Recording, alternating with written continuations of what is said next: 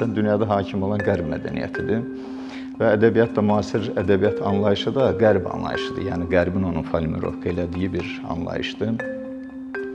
Buna görə də biz e, özümüzü müasir hesab ediriksə və müasir dünyada öz yerimizi tapmaq istəyiriksə, biz e, qərb ədəbiyyat və mədəniyyət modelini e, əks eləməli, ona uyğunlaşmalıyıq. Mən belə düşünürəm. Ümumiyyətlə neft Azərbaycan xalqının taleyinə yazılmış bir nəsnədir, bir anlayışdır, bir qavramdır. Görünür biz öz yaxın tariximizi və bu günümüzü neftsiz təsəvvür eləyə bilmərik. Və bu neft amili ədəbiyyatda özünü necə göstərir? Neft pulları amili. Buna da bacardığım qədər bu mövzuya da toxunmağa çalışacağam.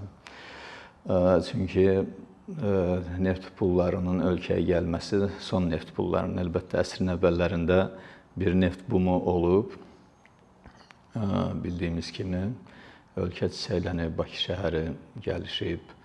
Ondan sonra burada çox fəaliyyətlər olub. Amma son dövrdə də bu neft pullarının bizim ədəbiyyatımız və mədəniyyətimiz üzərində çox ciddi təsirləri var. Onu da mənə gəlir ki, bir aydınlığa qovuşdurmaq lazımdır. Ümumiyyətlə ədəbiyyatdan danışarkən, ədəbiyyat anlamının Azərbaycan üçün ədəbiyyat nədir, ədəbiyyat qavramı nədir, Azərbaycan ədəbiyyatının dünyadakı yeri nədir? Bunun üzərinə hər halda qısaca biraz danışmaq lazımdır. Biz Azərbaycan yəni məkan olaraq şərq məkanında, şərq məkanı sayılırdı. Yəni ki, burada həm şərq ədəbiyyatı, şərq mədəniyyəti, şərq düşüncə tərzi hakim olub əsrlərcə. Yəni bizim mədəni köklərimiz şərqə bağlıdır. Lakin ə, ə, neft amili əsrin əvvəllərində neft partlayışının burada ə, baş verməsi həm burada sinfi təbəqələşməni, çünki kapitalizmin meydana gəlməsi üçün işçi deməli sahibkar münasibətləri formalaşmalı idi, sənaye münasibətləri. Və bu daha mədəni dirçəlişə, ümumiyyətlə bütün sahələrdə fəaliyyətin güclənməsinə səbəb olurdu hər halda. Biz əsrin əvvəllərində Azərbaycanda mədəniyyətin dirçəlişini şahidi olmuşuq. Lakin o zamanlarda bu neft pulları şəxsi adamların, şəxsi sahibkarların əlində olduğu üçün və şəxsi sahibkarlar da, məsələn, Tağıyev və qeyriləri bu öz şəxsi pullarını istədiyi sahədə xərcləməkdə sərbəst idilər. Və bu fərqli bir təzahürətə, fərqli bir necə deyirlər, inkişafa səbəb olmuşdu. Müstəqil dərgilər, qəzetlər və digər mədəni fəaliyyətlər, məsələn, teatrın meydana gəlməsi, məktəblərin açılması və s. də özünü göstərirdi və bunlar da müəyyən belə ziyalı təbəqəsinin yaranmasına, inkişafına, əsərlərin yazılmasına, yaradılmasına, teatrın inkişafına ilk, ilk filmlərin, kinonun yaranmasına səbəb olurdu. Lakin ə, e, müasir dövrümüzdə bu neft amili tamamilə dövlətin monopoliyasında olduğu üçün artıq sifarişçi də dövlətdir, yəni hakimiyyətdir daha doğrusu, hakimiyyət. Ə, ümumiyyətlə yazarlar, ədəbiyyat adamları ə, və çox belə dayanıqsız, zəif varlıqlardır. Belə demək olarmı? Yəni ki, incə varlıqlardır daha doğrusu da. Yəni ki, bunların belə iqtidarlarla savaşma, dirəşmək kimi bir özəllikləri yoxdur. Deyilmi? Yəni bir şairdir, uzaqbaşı bir şeir yazar və məsələn bir yazardır, bir aktyordur, bir sinemasıdır. Bunlar çox belə kültürel, incə, çox belə ruhani işlərlə, mənəvi işlərlə uğraşan insanlar olduğu üçün bunların ruhsal yapıları da incədir. Və bunların iqtidarlarla belə dirəşmək, savaşmaq kimi bir yetənəkləri, yəni yoxdur, yəni başından yoxdur. Onlar bir yazarın məsələn bir iqtidarla dirəşmək kimi bir özəlliyi zaten olmamalıdır. Lakin mövcud şərtlər başqa ölkələrin təcrübəsindən görürük ki, mövcud şərtlərdə yazarlar eyni zamanda iqtidarlarla qarşı durma halındadılar. Yəni yazarlar həm də sənət əsəri yaratmaqdan başqa, eyni zamanda həm də ümumi məsələn ictimai proseslərdə bir söz sahibidirlər. Ondan sonra ictimai proseslərə təsir etmə gücünə malik insanlardır. Məsələn, faşist Almaniyası zamanı bir çox alman yazarları, məsələn Bertolt Brecht və digərləri bu faşizmə qarşı dirəndilər, özlərinin necə deyirlər, dirəniş qruplarını yaratdılar, əsərlər də yaratdılar. Məsələn, pyeslər və şeirlərindən, məsələn Bertolt Brechtdən görə bilirik bunu ki, yəni başlı başına bir dirəniş hərəkəti, yazarların bir dirəniş hərəkatı mövcud olmuşdur. Ümumiyyətlə bayaq bir şərq ədəbiyyatından danışdıq. Ümumiyyətlə şərqdə belə yazarların dirəniş bir missiyası olmayıb heç zaman. Yəni ki, onlar zaten Nizamidən üzvləri hamısı saray şairi olub, nə bilim Füzuli saraydan ağça alıb, hansısa qonorar alıb. Yəni biz şərq ədəbiyyatına nəzər saldıqda hakim ideologiyaya qarşı hər hansı bir dirənişin, yəni birləşir. Yəni ki, bu şərq ədəbiyyatı ümumiyyətlə mənə elə gəlir ki, şərq mədəniyyəti iflas etmiş mədəniyyətdir. Yəni məzənnədən düşmüş, iflas edilmiş demək biraz yanlış olar. Məzənnəsini itirmiş mədəniyyətdir. İndi məsələn dünyada hakim olan qərb mədəniyyətidir. Və ədəbiyyat da müasir ədəbiyyat anlayışı da qərb anlayışıdır. Yəni qərbin onu formulovka elədiyi bir anlayışdır. Buna görə də biz e, özümüzü müasir hesab ediriksə və müasir dünyada öz yerimizi tapmaq istəyiriksə, biz e, qərb ədəbiyyat və mədəniyyət modelini e, əks eləməli, ona uyğunlaşmalıyıq, mən belə düşünürəm. Və burada da məsələn yazarın bir yazarın Füzulinin təbiri ilə desək, bir əsər yazması yəni bir zövq ilə şövq edən deyildir. Belə bir Füzulinin misrası var. Yəni burada əsər yazma bir zövq, şövq məsələsi deyil. Yəni qərb ədəbiyyat, mədəniyyət anlayışında əsər yazma həm də bir dirəniş hadisəsidir, bir protestdir. Yəni protesti yoxdursa o yəni nə qədər gözəlləmə yazırsa yazsın, nə qədər gözəl misraları ardı-ardı düzürsə, yəni bunun bir dirəniş özəlliyi olmalıdır. Və şair də və ya məsələn bir yazar da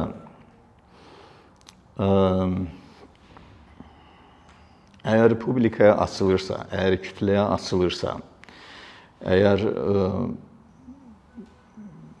deyəlim ki, məsələn, şeir hər kəsin yazdığı bir şeydir, sadə bir şeydir. Hər kəs yazır bunu. Amma şeir yazaraq şöhrət qazanır, ümumxalq sevgisi qazanır və kitabları çox satır. Yəni ki, bu xalqa müəyyən bir e, borcluluq e, məsələsi ortaya çıxır da. Yəni ki, bu şöhrəti geri qaytarmaq lazımdır. Yaxşı, bu xalqın aldığı geri vermək e, məsələsi var. Xalqın aldığını da bir mənada sən xalqın elçisi sayılmış olursan da, yəni xalqın adından sən tribunadasan, artıq önə çıxmısansa, xalqın adından da bir şeylər danışmalısan. Yəni mənim də təsəvvürümdə əlbəttə ki, mübahisələr çox adam deyə bilər ki, olmamalıdır. Yazar yazsın, yazsın, hekayəsini yazsın, bununla da məsələ bitsin. Lakin məsələ mənim nəzərimdə belə. Bizim kimi ölkələrdə, 3-cü dünya ölkələrində məsələ bununla tamamlanmır. Çünki biz bir çox milli məsələlərini həll etməmiş bir xalqın evladlarıyıq. Yəni bizim milli məsələlərimiz həll olunmayıb. Hər şey alayarımçıq vəziyyətdədir. Yəni tamamilə belə biz xilas olmuş bir toplum deyilik.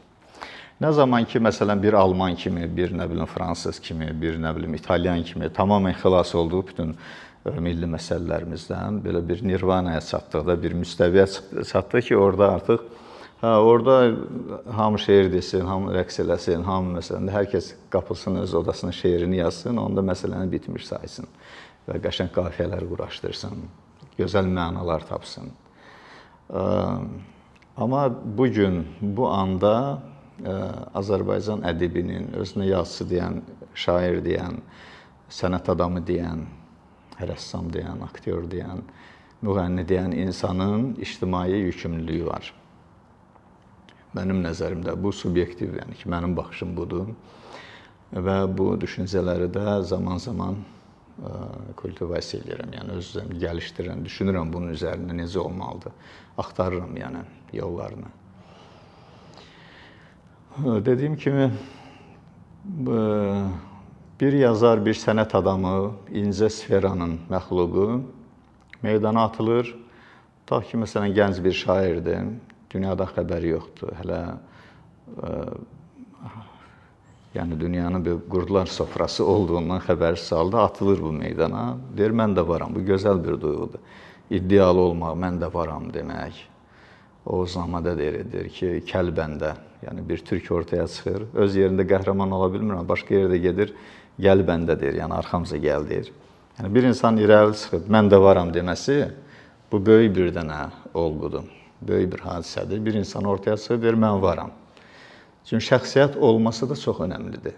Bax məsələn Güney Azərbaycana baxırıq, o qədər şəxsiyyətsizləşdiriblər ki, yəni şəxsiyyətlərin meydana çıxmasına imkan vermirlər 10 illər boyunca. Hə, axtarsan bir dənə kitab yazan adam yoxdur. Var, yəni məsələn təktük var. Amma məsələn bizdəki qədər deyil. Demək ki, burada şəxsiyyətləşmə prosesi gedir. Bizdə şəxsiyyətlər çoxdur. Amma yenə də o əks prosesdə davam edir. Şəxsiyyətsizləşmək, e, şəxsiyyət olmaq istəyənlərin başından basmaq, onların önə çıxmasına mane olmaq. Və bizim kimi toplumlarda e, bu məsələlər aktualdır. Yəni də aktualdır. Amma ki, e, şəxsiyyətlər də şəxsiyyət olmalı və dediyim kimi o dirəniş damarında biraz qorumalıdır. Nə bilim məsələn Soljenitsinin məsələn xatırlama yerinə düşər yəqin ki, əgər deyir açıq şəkildə etiraz eləyə bilmirsən, çox despotik cəmiyyətlər var da. O zaman ən azından susmaq, susmaq, yalan danışmamaq üçün susmaq. Həqiqəti deyə bilmirsənsə, bilmirsən. Mümkündür ki, deyə bilməyəsən. Amma e, çıxış yolu yox deyildir. Çıxış yolu susmaqdır. Yəni zamanı gələnə qədər susa bilərsən ən azından. Amma yalan danışmayacaqsan. Yalan danışdıqsa artıq orada çünki yalanın bulaşıcı özəlliyi var da. İnsan yalan danışa bilər. Yəni öz canına cəfa versə, yəni öz canı bahasına başa gəlsə bu yalan onu bağışlamaq olar. Amma bir şairin, bir yazarın yalan danışması o kütləni zəhərləmək deməkdir. Çünki onun şeirləri oxunur, nə bilim, əsərləri tamaşaya qoyulur, ki e, ssenarisinə filmlər çəkilirsə və adam yalan danışırsa və adam qaba gücün yanındadırsa, o zaman o yalan çox fəlakətlidir. Bir adını çəkdim Bertolt Brechtin bir məqaləsi var həqiqəti demənin 5 çətinliyi. Təqribən belə tərcümə eləmək olar. Yəni həqiqəti həqiqəti demənin 5 çətinliyi var. O məqalə çox önəmli məqalədir. Yəqin ki, onu biz tərcümə eləyəcəyik. Orda Brecht həqiqət anlayışını ə, şərh edir. Yəni həqiqət nədir? ümumiyyətlə. Axı hər kəs deyir ki, mən həqiqəti danışıram. Yəni ki, hakimiyyətin yanında olan, tutaq ki də, bir yazar da, yəni hər kəs hakimiyyət müxalifətlə ilgisi yoxdur, əlaqəsi yoxdur. Yəni ə, hər bir insan istədiyin bir, heç kəs özünü yalançı demir ki, hamı deyir mən həqiqəti danışıram. Və həqiqət amma Brecht deyir ki, həqiqət ə, ə, dərk olunmuş məsələdir həqiqəti öyrənmək lazımdır. Həqiqət nədir onu bilmək lazımdır. Yəni həqiqət e, bilgiyə dayanmalıdır. Və e, yalana çox önəm verir. Yalan ə, e, yalanı əgər aşkara çıxardanda o zaman həqiqət görünür. Biraz bu şərq sufi fəlsəfəsi ilə ə, də bənzərliyi var bunun. Ə, məsələn şeydə ə, Səhv eləmirəmsə, yəni şərq fəlsəfəsində bu var. Yəni ə, e, qaranlığı, işığı e, axtarmaq lazım deyil. Sən qaranlığı yox elə yerdə nə qalacaqsa o işıqdır. və məsələn azadlığı axtarmaq lazımdır. Səni əsarətdə saxlayan nələrdirsə, çünki azadlıq mücərrəd anlayışdır, çox yayğın və geniş anlayışdır. Onun konkret bir izahı yoxdur. Amma yalanla müqayisə yalanla deyil. Yalanla müqayisədə həqiqət və əsarətlə müqayisədə azadlıq öz ifadəsini tapmış olur və yerli şərtlərə görə ta ki, məsələn, Azərbaycanda azadlıq nə deməkdir, Azərbaycanda həqiqət nə deməkdir, bizim yerli şərtlərə görə əgər biz bunu ortaya çıxartmaq istəyiriksə, o zaman Azərbaycanda yalan nədir, Azərbaycanda əsarət nədir, onları araşdırmaq. Onları təsbit eləyəndən sonra hə, o zaman biz buradakı azadlığın deməli formasını ortaya çıxarmış ola bilərik. Nəsə dolayısıyla mən çox ola bilsin müzərrət danışıram. Bizdə yəni dediyim kimi hal-hazırki durumda yazarın yazarın, sənət adamının, bir şairin, bir rəssamın hətta məsələn bir müğənninin, bir şarkıcının belə bir ictimai özəlliyi olması lazımdır. Əgər bu yoxdursa, o zaman çox bayağı bir mənzərə ortaya gələcək. Məsələn, Üzeyir Hacıbəyovla Üzeyir Mehdizadəni müqayisə edən ən azından belə bir mənzərə. Adam yəni ki, milyonlarla məsələn də bəyəni qazanır, amma ki o sənət hara, bu sənət hara. Çünki o sənətin arxasında ictimai təfəkkür var idi. İctimai təfəkkür də daha konkret desək, geridə qalmış mədəni olmayan bir toplumu mədəniyyətə qavuşdurmaq ehtirası var idi və o ona güc verirdi. O sənəti yarat. Həqiqətən də məsələn Üzeyir belə bu milləti millət eləyən ə, insanlardan biridir. Təkcə Üzeyir musiqi sayəsində biz deyirik ki, biz varıq. Yəni ki, o ə, mənzərə, forma ə, meydana gəlib də, yəni ki, milli formamız meydana gəlib. Birləşdirici bir ə, özəlliyi var Üzeyrin. Hər kəs Üzeyirdə birləşdirir. Üzeyir müziyi Azərbaycanı Azərbaycan eləyib deyə bilərik. Biz məsələn bizim tariximizdə müstəqil yazar hərəkatı olmayıb, bağımsız yazar hərəkatı. İndi məsələn əsrin başlarında Molla Nəsrəddin, Mirzə Cəlilin ətrafındakı insanlar və digər mədəni proseslər Bunlar əlbəttə fərqli idi və o dövrün e, görünür ki, boşluqlarına, o dövrün verdiyi imtiyazlar, imkanlar da burada rol oynayır. E, ilk dəfə Azərbaycanda müstəqil yazıçı hərəkatını Azad Yazarlar Ocağı meydana gətirməyə çalışıb. Bu bizim cəhdimiz idi və öz manifestomuzu elan elədik e, və orada göstərdik ki, Azərbaycan yazarı e, iqtidarda olan və olmayan heç bir siyasi partiyanın e, əlavəsi deyildir. Azərbaycan yazarı müstəqildir. O onun əsas kriteri e, həqiqətdir, həqiqət, həqiqətə sədaqətdir. Yəni Azərbaycan yazarının müstəqilliyini, müstəqil, bağımsız Azərbaycan yazarının anlayışını bilinci olaraq dərk olunmuş şəkildə meydana atan, irəli sürən ilk yazıçı qurumu biz olmuşuq. Biz olmuşuq deyəndə ki, Alatoran qrupu deyək və ya ona Azad Yazarlar Ocağı qrupu deyək ki, 10-15 nəfərlik bir qrupla yazar qrupu ilə meydana atılmış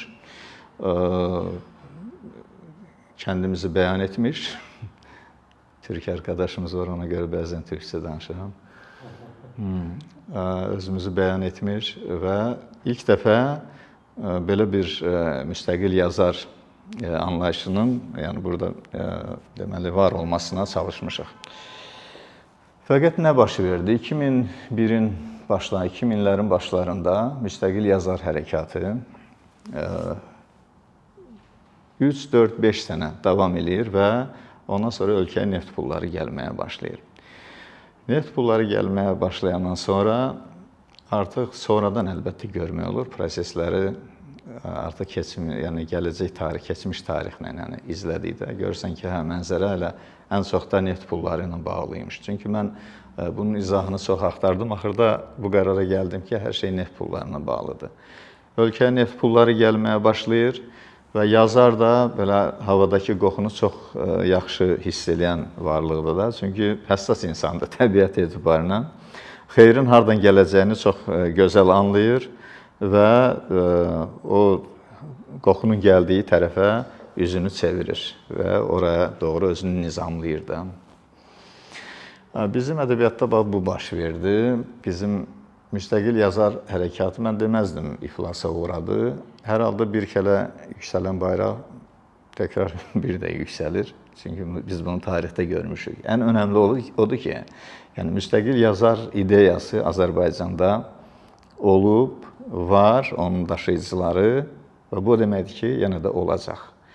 Amma e, keçici olaraq nə bilim e, hansısa imtiyazlar, hansısa maddi ə, e, gözləntilər xatirinə özünün ə, e, haqq səsini, özünün saf yazısı ə, e, baxışına dəyişdirən, mövqeyini dəyişdirən, ə, dünyaya baxışını dəyişdirən, cəsarətindən taviz verən yazarları görmək məncə çox acınacaqlı mənzərədir.